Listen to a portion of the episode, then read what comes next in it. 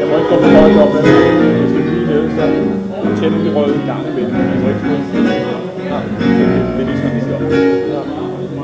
Nu tager du fra den gule mikrofon. Ja, men ja, jeg kan tage fra dem alle sammen. ja. Skal vi så slukke for den røde her? Ja, det kan man godt, men øh, nu øh, vi skal stoppe den igen, for jeg optager, vi kan først optage, når vi bruger, så der er kun 80 minutter på. Ja, så det er kun det absolut Ja, det er absolut nødvendigt. ikke? Så trykker bare Så på... trykker på stop. Ja, eller pause. Eller pause. Så optager den spor 2, ikke? Så trykker jeg nu spor 2, ikke? Den Ja. er også uden spor hver gang. Så okay, så, så laver den sådan lige sådan en ny fil hver gang. Ja. Og så trykker man bare på pause igen. Ja. Du kan også trykke på stop nu. Godmorgen. Øh, det er hårdt, hva'?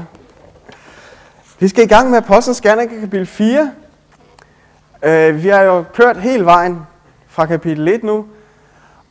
Det, som skete i kapitel 3, var, at Peter og Johannes møder en mand, der er lam, og helbreder ham. Og det bliver der en forfærdelig masse ballade ud af.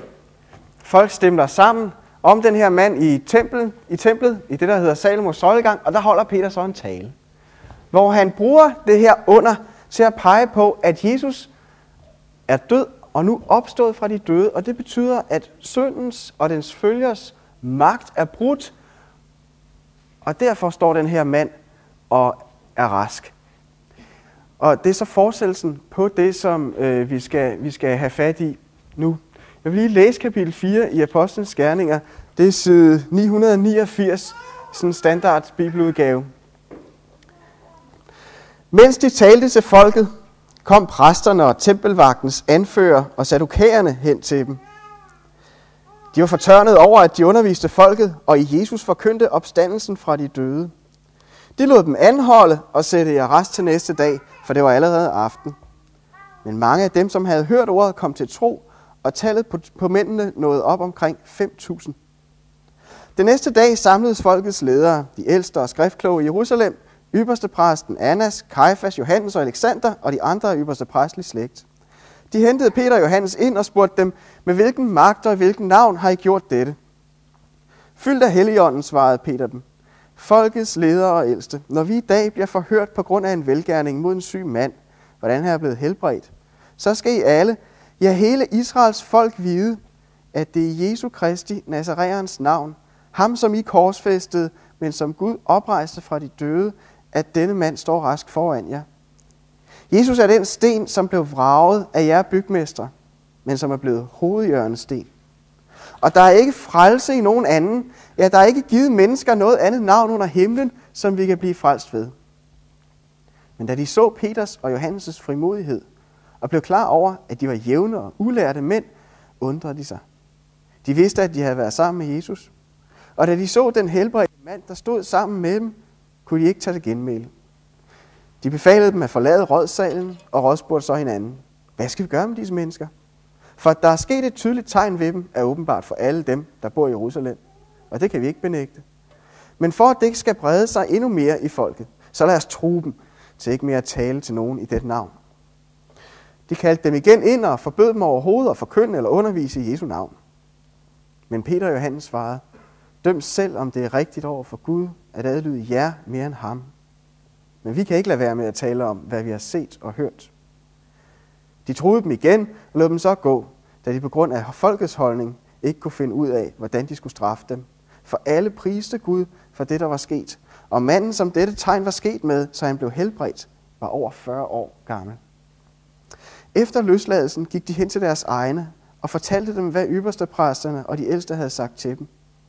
Da de hørte det, opløftede de alle som en deres røst og bad til Gud.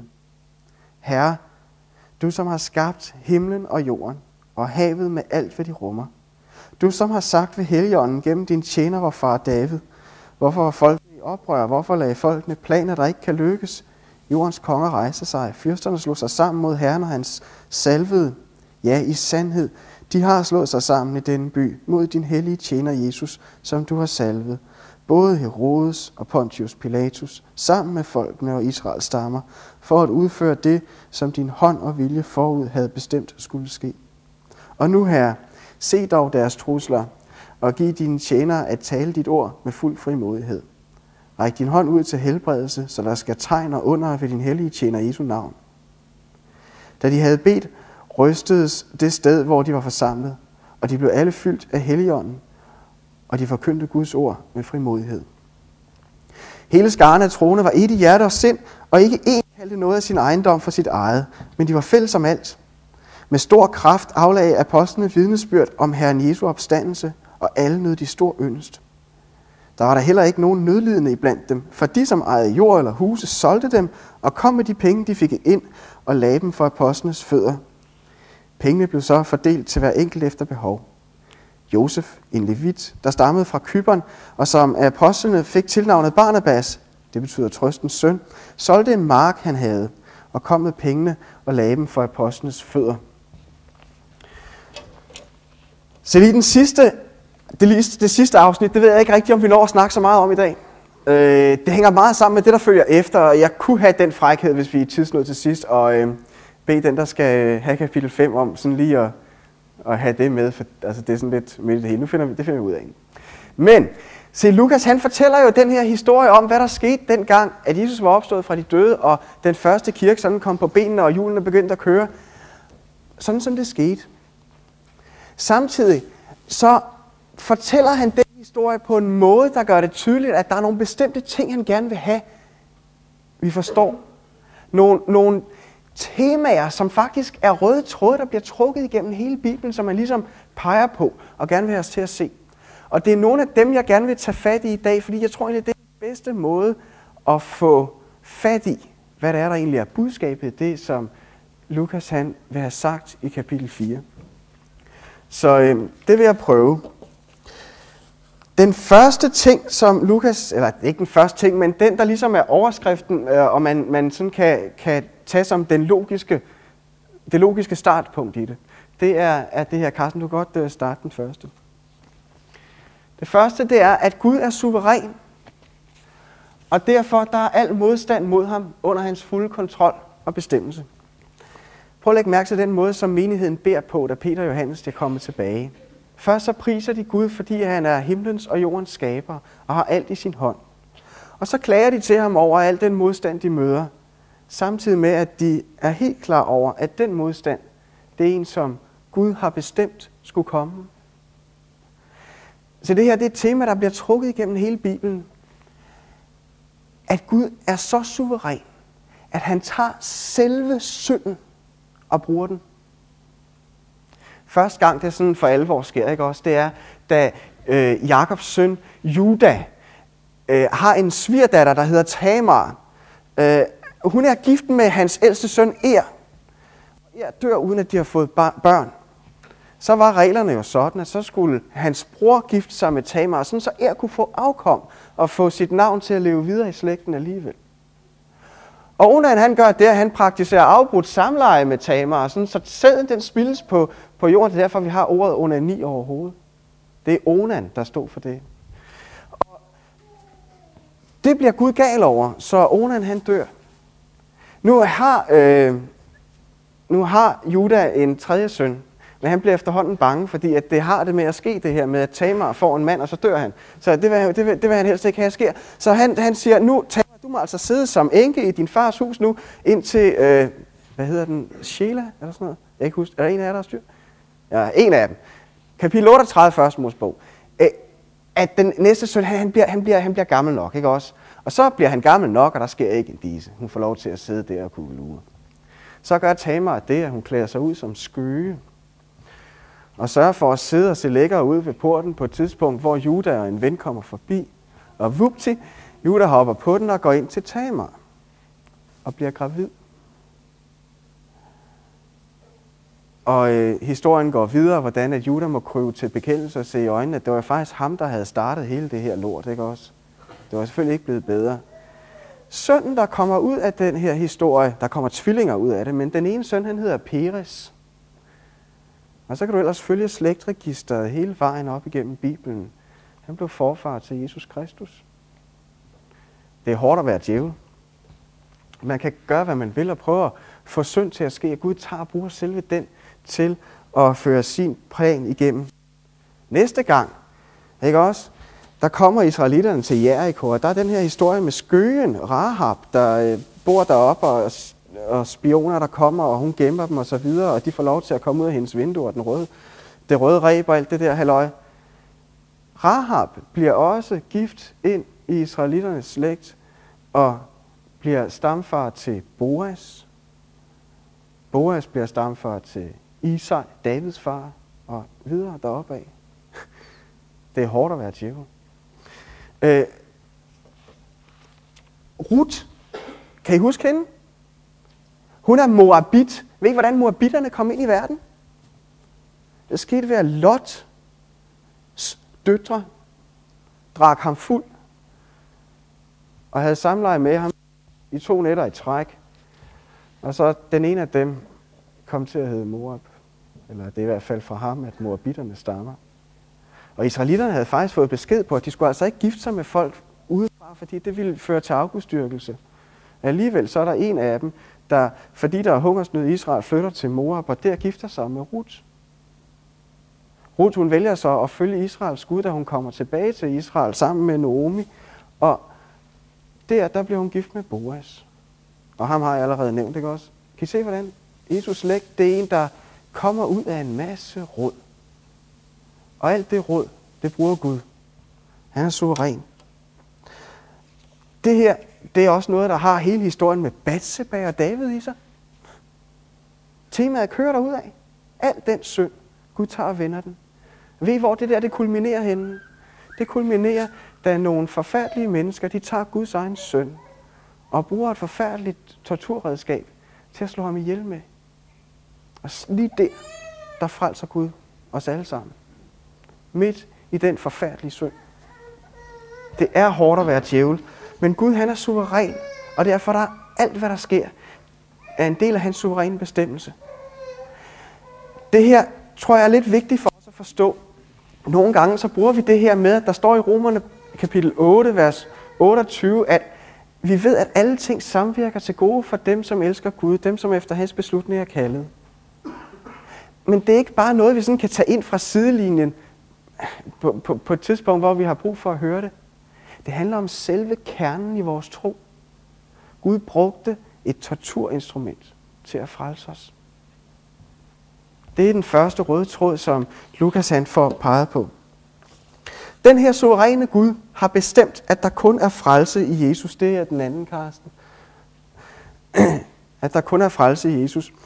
Se, da jeg øh, gik i skole og i søndagsskole og så videre, der lærte vi bibelvers udenad. Jeg ved ikke, om børn gør det stadigvæk, men øh, jeg er selv kommet på uvane med at lade være med at gøre det. Og jeg tror egentlig, at vi alle sammen kunne have godt af at gøre det en gang imellem. Og fordi vi lever i sådan en meget relativistisk tid, tror jeg ikke, der er noget meget bedre vers at lære udenad, end Apostlenes Gerninger, kapitel 4, vers 12. At der er ikke frelse i nogen anden, at der er ikke givet mennesker noget andet navn under himlen, som vi kan blive frelst ved. Igen rammer det her et centralt bibelsk tema. Op igennem det gamle testamente, der, der ligger Israel sådan midt i det hele, ikke også? På den ene side, der har den en stormagt, der hedder henholdsvis Assyrien og Babylonien og Perserne, alt afhængig af, hvem der lige er på højde derovre. På den anden side har den Ægypten. Og Israel prøver igen og igen at finde ud af, hvordan skal den balancere i det der magtforhold mellem de der stormagter, den kan blive løbet over inden af hele tiden. Og en af de ting, den gør, at Israel, Israel gør forkert, det er, at de prøver at få Ægypten til at redde dem fra Assyrerne, i stedet for at stole på Gud, som er den eneste frelser. Og noget af det, som Gud siger igen og igen gennem profeterne, det er, der er ikke frelse andre steder end i mig. Og den grundsøn, Israel begår, den første store synd, Israels folk begår, hvor gjorde de det henne? Kom nu, folkens, det ved I godt. Den første store grundsynd, Israels folk gør, de er blevet befriet fra Ægypten, kommer til Sinai, hvad sker der? Guldkalven. Er der nogen, der kan huske, hvad det er, at Aaron siger til Israels folk, efter han har lavet den guldkalv, og den står der? Henrik? Ja, stærkt. Her er din Gud, der frelste dig og førte dig ud af Ægypten. Det skulle de aldrig have sagt.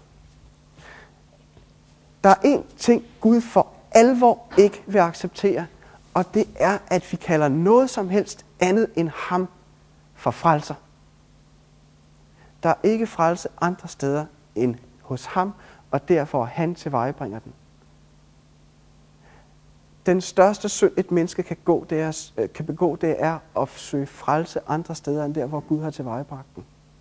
I Jesus Kristus. Gud han er både eksklusivistisk og monopolitisk, og hvad ved jeg, af alverdens forfærdelige ting. Han vil ikke dele sin ære med nogen anden. Der er kun én, der kan frelse, og det er ham.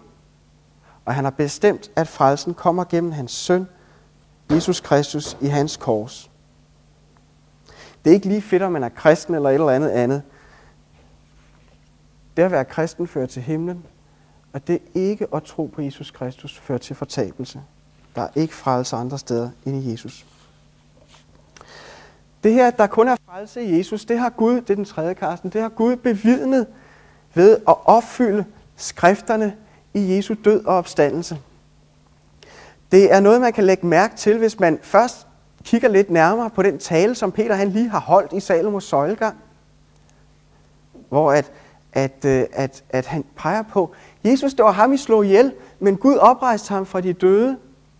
Han siger det igen, da, da han står over for rådet her, at, at uh, I slog Jesus ihjel, men den Jesus, I slog ihjel, oprejste Gud fra de døde og gjorde ham til hovedhjørnestenen, i modsætning til en eller anden vraget sten. De jødiske ledere, de forkastede frelsen i Jesus, og Gud svarer dem ved at opfylde skrifterne i hans død og opstandelse. Jesu opstandelse er sådan et, et mægtigt tegn. Og det fungerer og den fungerer meget klart sådan i, i apostlenes gerninger. Man kan tage den ene prædiken efter den anden i apostlenes gerninger, og se hvordan, at Jesus er opstået fra de døde. Det fungerer som, som motor hver eneste gang. Tilbage i kapitel 2, hvor Peter holder den der tale i, i, i, i, i, på pinsedag, ikke også? fortæller om, hvordan David han profeterede om, at Gud ikke ville lade sin tjener se forholdelse, og han døde altså alligevel. Nej, det her blev opfyldt i Jesus, siger Peter. Og så kører den ellers derudad. Det sker her, og i kapitel 10, der kan man se, at fordi Jesus opstod fra de døde, så har han vist, at nu er Jesus dommer og Kristus. Og, og i kapitel 17, da Paulus står på Areopagos i Athen, der er det samme igen. Jesus er opstået fra de døde, og det betyder, at han er den eneste frelser, den eneste herre og den eneste dommer. Og alle de under, der sker her, de forbindes med Jesu død og opstandelse. Læg mærke til, hvordan Peter han peger tilbage på, at det er det, at Jesus han er opstået, som gør, at den her mand nu kan stå foran jer og gå. Det, at manden står op og kan gå, det er ikke bare noget, der viser, at øh, vi kan noget flot her. Det er et frelsesunder det, det er et brud på syndens magt og, og, og dens forbandelse, som vi alle sammen lever under. Det er det, det viser. Og det sker ved, at Jesus stod op fra de døde. Derfor, derfor står den mand og er rask foran jer. Læg mærke til, hvordan de under de peger tilbage på deres kilde, Jesu død og opstandelse. Jeg tror, det er lidt vigtigt at forstå det her. Guds under de viser, at Gud har magt over synd og død. Og det gør de hele vejen op igennem Bibelen. Og den magt, Gud har over synd og død, er i sidste en, der har sin, sin, sin, uh, sin drivkraft, sin motor, det der overhovedet giver den den magt i den sejr, han vandt over synd og død, da Jesus døde og opstod. Og underne, de har en meget, meget, meget vigtig funktion, og det er at pege tilbage på den sejr. Der blev Satan slået, og underne er frelsesunder. De er manifestationer af, at Gud har vundet over synden og døden i Jesu kors opstandelse. Det er det, underne først og fremmest skal gøre godt for. Det Det her det betyder, at alle under, der sker, og som ikke har deres kilde i Jesu død og opstandelse, de er ikke virkelige manifestationer af Guds sejr over synd og død og deres følger. Der kan godt ske under derude, som Gud lader djævlen få lov til at ske. Men de har ikke deres kilde i Jesu død og opstandelse, og derfor der er de ikke virkelig sejr over den synd og død og dens følger. Det er hult, og det er blindværk. Det er meget vigtigt at forstå det her. Rigtige under har deres kilde i Jesu død og opstandelse. Rigtige under er nemlig frelsunder. Det er kun dem, der har deres kilde i Jesu død og opstandelse, der virkelig batter. Der virkelig er befrielse fra synd, død og djævel. Og det er noget af det, som, som, øh, som Lukas får peget på. Og det betyder også, at hvis Gud lader der ske under i vores menighed, og det skal vi komme jeg tilbage til, frimodigt bede om, om at lade, lade ske, så er en af vores opgaver, det er at vise folk, hvordan de her under er frelsesundere er manifestationer af, at Gud har sejret over satan, død og synd i Jesu kors opstandelse. Ja, den næste ting, som Lukas han peger på her, det er, at fordi Gud har bestemt, at der kun er frelse i Jesus, og har bevidnet det ved at lade Jesus opstå fra de døde, øh, så kan menigheden ikke tige stille om det her. Den må vidne om det. Guds menighed kan ikke tige stille om Jesu død og opstandelse. Hvad den betyder, hvad den er. Allerførst, jeg tror ikke, det her betyder, at vi alle sammen skal tvinge en eller anden vidnesbyrds, jeg skal fortælle jer alle sammen en hel masse mentalitet ned over os selv. Noget af det, der er fantastisk ved Guds kirke, det er, at vi er forskellige. Og at vi har forskellige nådegaver, forskellige personligheder, forskellige måder at være på.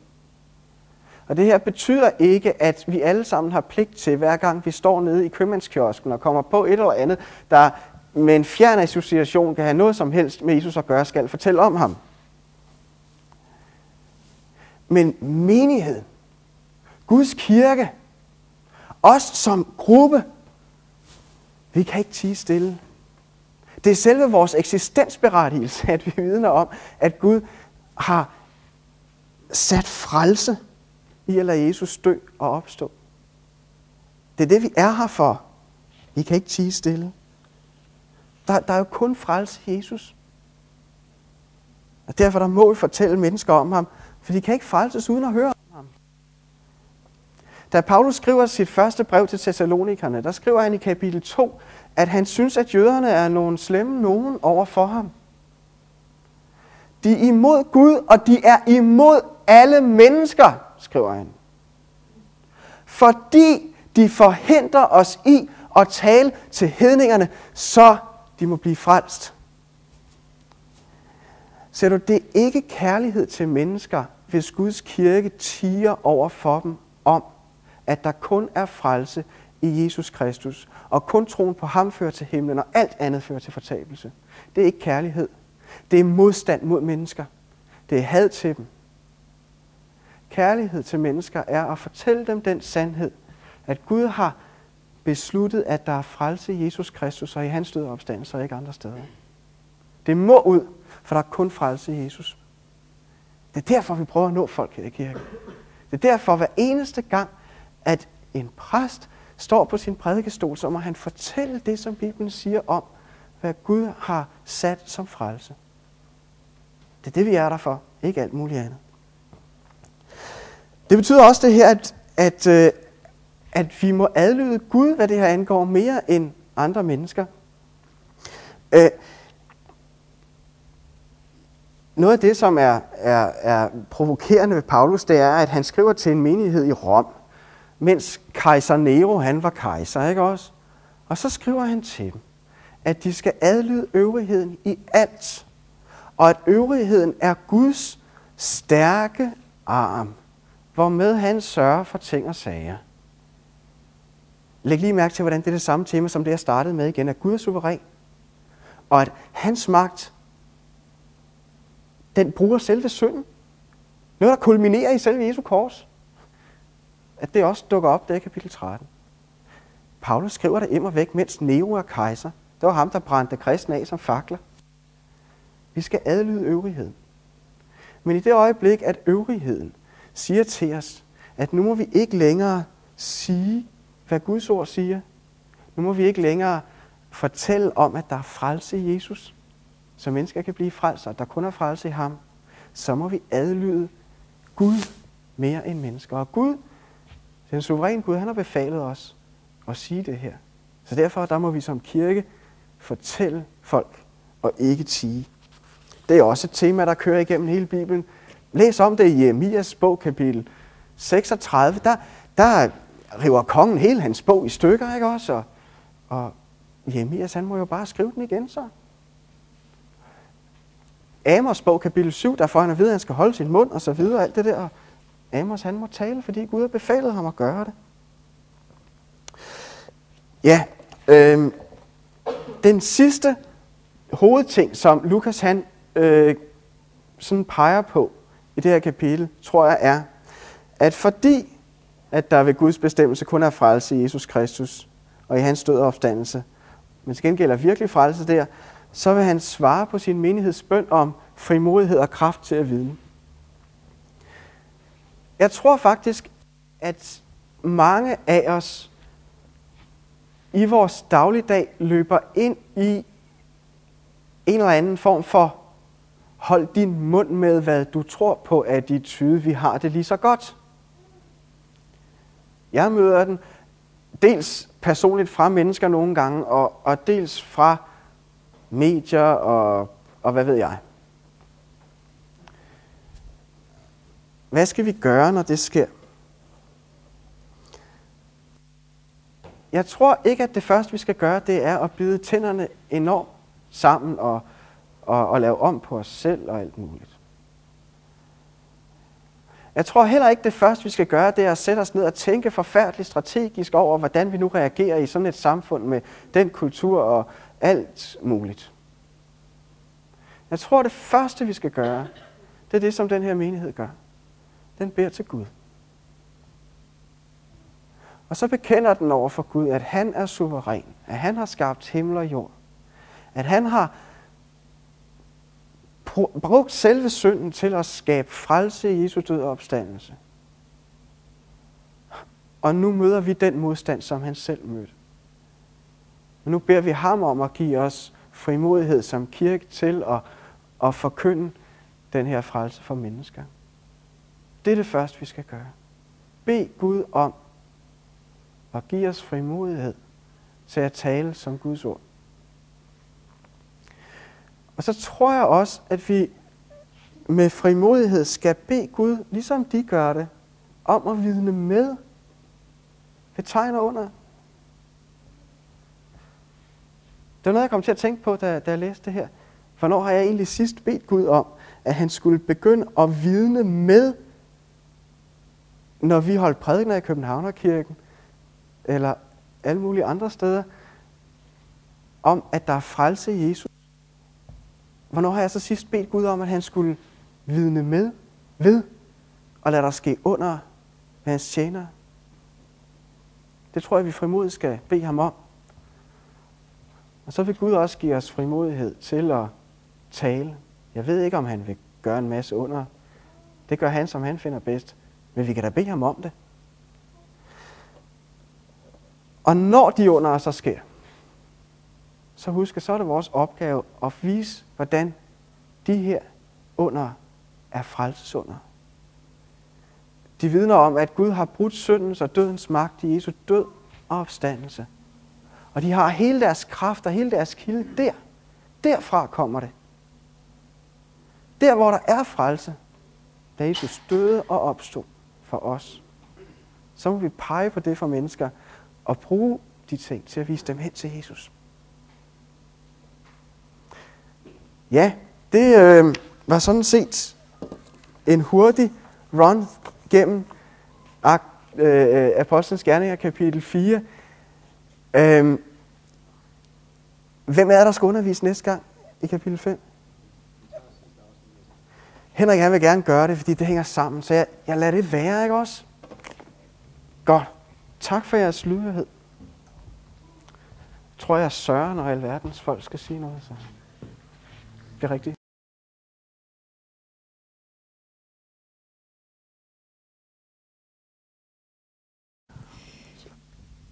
Gå til myren, doven krop. Betragt dens færden og bliv vis.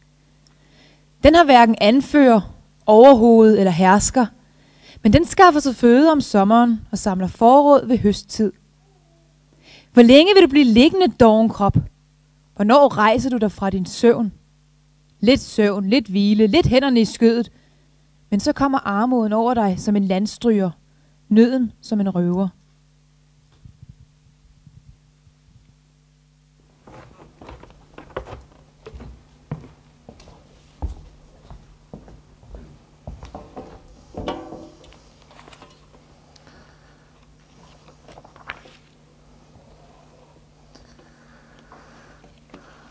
Gå til myren, doven krop.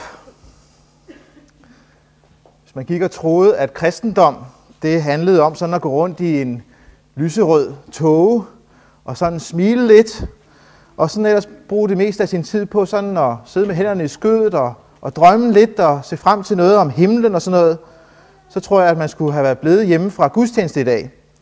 For her er det jo næsten som at blive vækket med en lusing. Gå til myren, doven krop. Hvis der er nogen af jer, der sådan har forladt de varme gåseduens fjer derhjemme øh, for at gå i kirke, og så bliver mødt med sådan et udtryk, så kan det godt være, at I ikke undrer jer over, at der er mange steder, hvor der ikke kommer så mange i kirke, hvis det sådan er kutyme, at man øh, får det med, når man kommer i kirke. Men sagen er den, som Ulla hun nævnte til indledning, at vi befinder os i ordsprogenes bog i det gamle testamente, hvor skaberen har en masse gode råd til os mennesker, om hvordan vores liv er, og hvad vi skal gøre, for at livet må fungere. Og i dag så lyder rådet til os, og til dem af os, som er dogne, at vi skal gå til en af de mindste skabninger. Og vi hørte rigtigt, at vi skal gå til myren, til den lille bitte, det lille bitte insekt, som vi sådan set, som oftest bare plejer at ignorere eller træde under gummiskoen. Øh, øh, som ikke rigtig siger os det, det helt vilde. Til os siger Gud selv, gå hen til myren og lær af den. Jeg bladrede sådan lidt rundt i, i ordsprogenes bog, og, øh, og så fandt jeg ud af, at, at i ordsprogenes bog, der er det faktisk ikke det eneste, der står i de her små vers om dogenskab. Der står faktisk en masse andre ting om dogenskab. Døren drejer på sit hængsel. Den dogne vender sig i sin seng. Den dogne stikker hånden i skålen, men gider ikke føre den op til munden. Den dogne siger, der er en løve derude, jeg kan blive dræbt på tårne. Som eddike for tænderne, og som røg for øjnene, er den dogne for sin arbejdsgiver. Hvem sagde, at Gud ikke havde humor? Men bag ved, bag ved Guds humor og bag ved humor i det hele taget, så ved vi jo godt, at der er en sandhed. Og sandheden er her, at dogenskaben, den vil få konsekvenser i dit eget liv, og den vil få konsekvenser i de mennesker, som er omkring dig. Den dogne pløjer ikke om efteråret, om sommeren venter han afgrøde, men der er ingen. Dogenskaben får konsekvenser i vores liv.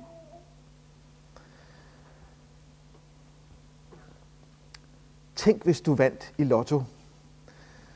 Vi sidder alle sammen og kigger på de her reklamer i fjernsynet, og, og sådan har drømmen. Tænk, hvis jeg en dag sådan blev en rigtig stor sanger. Eller sådan en rigtig sportsmand ved ikke, om I kender til, til de drømme der, men, men øh, det sjove er jo, at mange af os, der har de der drømme, vi sådan forestiller os, at det sådan skulle ske, netop som hvis vi vandt i lotto, at jeg ligger hjemme i min seng, og har ikke sådan den store tone i livet, og næste dag så vågner jeg op som den rene Dario Campotto. og så skal jeg bare ud og, og være den store stjerne. Eller manden med, med, med ølvom og netundertrøjen og dåseølen derhjemme foran Champions League. Han kan da udmærket godt se sig selv score det afgørende mål i finalen. Der er der i virkeligheden måske ikke så langt. Han har da i hvert fald alle rådene til, hvordan det skal gøres. Vi har en drøm om, at det her, det sådan bare dumper ned, mens vi sidder i sofaen og venter på det. Det sjove er så, at hver gang man hører om de her sportsfolk for eksempel, hvordan deres liv er, jo, selvfølgelig har de haft talentet, men det er jo hårdt arbejde. Det er knokleri og arbejde med sit talent, fordi ellers så når man først at blive stjerne den dag, hvor der kommer to torsdag i en uge. Gud han siger til os i dag, han forsøger at vække os af, sådan af vores siden tilbage i sofaen, og sådan vores luftige drømme om, tænk engang, når det vælter ned i hovedet på mig.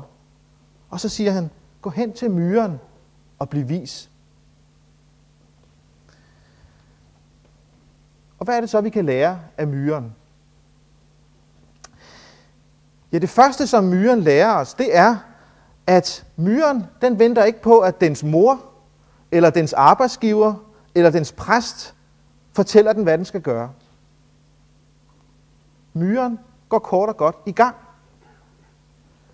Den skaffer sig føde om sommeren og samler forråd ved høsttid.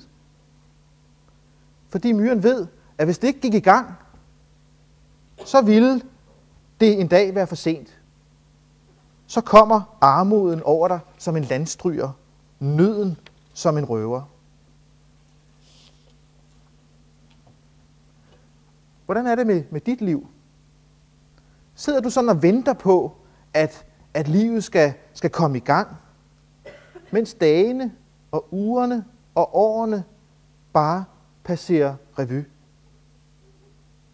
Hvis du kan genkende noget af det her i dit eget liv, så tag vi lære af myren. Kast dig selv ind i spillet. Kast dig selv ud i livet. Tag fat med de evner, med de muligheder og med de drømme, som du har. Lad være med at sidde